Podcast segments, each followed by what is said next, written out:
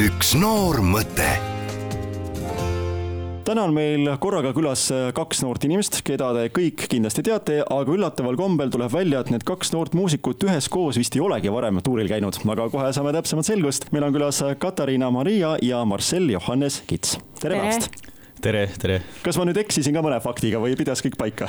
ma lisaks juurde, et me ei ole lihtsalt kaks noort inimest, aga me oleme kaksikud seda ma eeldasin miskipärast, et kõik no, teavad niikuinii seda. ei no kõik teavad, ma nii, ma nii. ei, ma arvan, et päris kõik ei tea. no Eestis aga... tegelikult vist on see fakt teada, aga võib-olla tõesti välismaal, ma ei tea, on teil keerulisem, peetakse teid paariks või, või kuidas seal asjad? paariks, kas on peetud või? Võib-olla üks täitsa, kord, täitsa aga. ei, kusjuures tegelikult meil, me olime Roosiaias vastuvõtul ja siis tuli õhtul leht mu juurde ja küsis, et no nii, kes meil siin mul kõrval on isegi nii juhtub Eestis, Eestis ka või? nojah, võib-olla kohe ei, ei, ei tundnud ära, aga aga, ja, ja me ei ole tuuril käinud tõesti, me oleme noh, ikka mingeid väikseid erakontserte andnud ja, aga sellist tegelikult päris tuuri või päris suuri kontserte meil ei olegi olnud seni nii väikses koosseisus mitte, oleme teinud triosid ja kvartette ja suuremaid, aga jah, kahekesi ei ole olnud kas teil on elus selline, võistlemine on paha sõna võib-olla, aga noh, mõeldes, et üks võitis klassikatahad natukene enne, teine natukene hiljem ja, ja siis erinevad instrumendid, kas teil sellist võistlemist elus on palju olnud või te olete pigem äh, samad meelt kogu aeg? ma ütleks, et lapsepõlves oli rohkem. kui me koos äh, elasime ühe katuse all, siis ikka oli niimoodi, et kui üks hakkas harjutama, siis pidi teine ka kohe hakkama. pigem alustas tema harjutamist ja siis võtsin mina järgi ja siis ta jooksis kiiremini minust, kui ma väike olin kui me väiksed olime, vabandust. ja, ja üks jalgrattasõit oli ka oluline.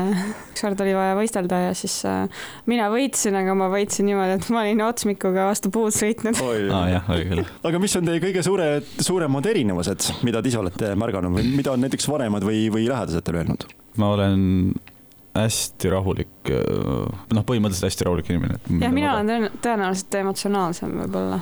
ma olen alati. minul emotsioone ei ole Marcelli pidanud selliseks nagu politseinikuks, et ta on hästi rahulik ja sihuke nagu.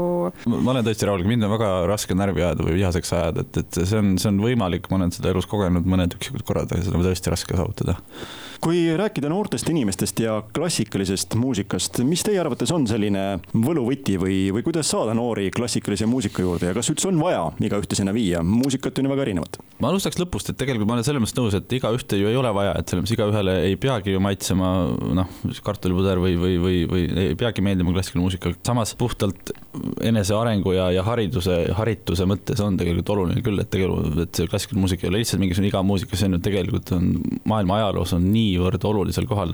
see on mõjutanud mitte ainult kõike noh, praegust klassikalist muusikat, aga ka popmuusika, rokkmuusikat, kõik on saanud inspiratsiooni sellest.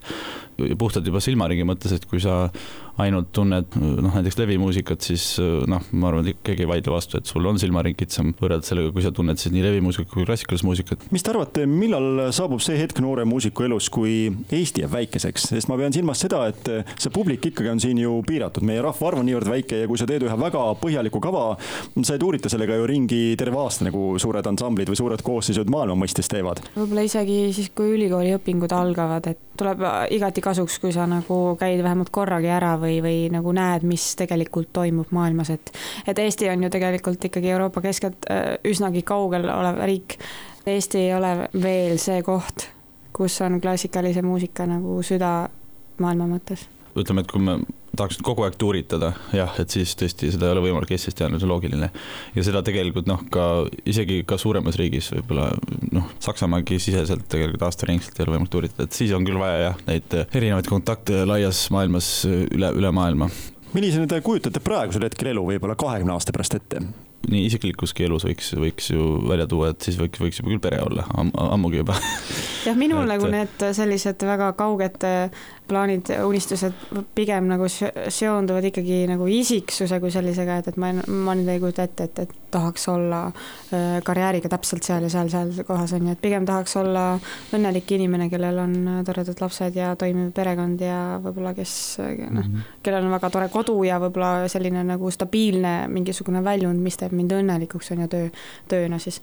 ma niimoodi ei mõtle, et, et kui nüüd selles saalis ei saa mängida, siis on elu läbi, et aga, aga noh, selge see, et e eesmärgid pigem tuleb seada, seada kõrgele ja, aga noh, ma arvan, et lõpuks on oluline leida enda see mingi sisemine mingi rahu ja, ja aga noh, jah, saavutused on alati need, nende poole peab püüdlema. Te tõite siin ka sellise pere ja suhteelu sisse, kuidas artistil on tegelikult lihtsam elada, kas siis, kui keegi on kõrval ja sa pead temaga arvestama, sest see töö on ju selline, et pead kogu aeg reisima, pikad päevad proovides kuskil, teise jaoks justkui aega ei ole tegelikult. või on lihtsam olla üksi siis, kui sa oledki nii-öelda heas mõttes egoist, et ma täna tulen, olen siin, homme olen seal ja saan harjutada siis, kui ma ise tahan ja, ja mul on vaba aega ka.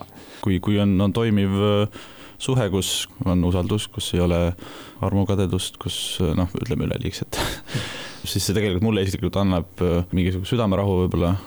aga noh, loomulikult, et kujutan ette, mingi piiri on, et kus, kus, kui sa ikka üldse inimest ei näe, siis see ka ju noh, mõjub suhtele endale halvasti seda üksinda aega on äh, sellisel reisival artistil niivõrd palju juba iseenesest, et äh, mingil määral see nagu eeldabki, et, et sul on kasvõi mingi üks, kas siis noh, lihtsalt väga hea sõprussuhe või siis perega on väga hea ja toetav läbisaamine või siis ongi see, see sinu partner, on ju, keda sa saad usaldada ja kellega sa oledki nagu noh, päriselt, päriselt koos, on ju. et see tegelikult annab ikkagi väga palju juurde, et äh, üksinda on päris raske olla niimoodi sellises mm. maailmas ja elada sellist elu. me jõuame nüüd äh, tuuriga ja ringiga tagasi teie tuuri juurde, ehk siis Kooskõla ja teie esimene ühistuur. täna, kuuendal detsembril Kuressaare, veel on seitsmendal detsembril Arvo Pärdi keskuses ja kaheksandal Tori kirikus ka kontsert kontsert tulemas, kus teid siis näha saab? Kuulda ka loomulikult. jah, see ja. Arvo Pärdi kontsert on juba kahjuks, Arvo Pärdi Keskuse kontsert on kahjuks juba ja, välja müüdud. või siis õnneks. aga, aga olete kõik äh, oodatud kuulama Kuressaarde ja Tori kirikusse?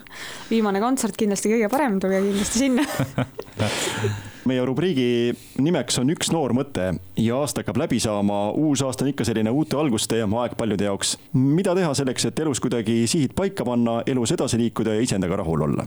vähem sotsiaalmeediat ja vähem e-reaalsuses olemist, et ma ütleks, et, seda vähem telefoni, vähem, et olla rohkem noh, nii-öelda mitte ainult hetkes, aga, aga sellest kõigest eemal, et sellest nii-öelda telefoniorjusest, mida me kõik ka vajame, aga, aga jah, et seda mina soovitan.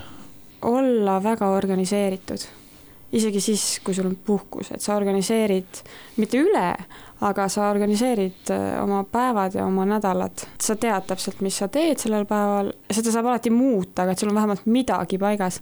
ja teine asi on see, et äh, usaldada ennast ja mitte ainult ennast, kõike seda, mis su ümber on, mis juhtub ja mitte unustada ära seda, et me oleme ainult inimesed ja me kogu aeg eksime ja see on tegelikult kõige ilusam asi ja osa sellest, et meil on see võimalus ja luba antud eksida, et mitte tunda hirmu suur aitäh, Katariina Maria ja Marcel Johannes Kits, ilusat jõuluootust teile, toredat tuuri jätku ja uute kohtumisteni.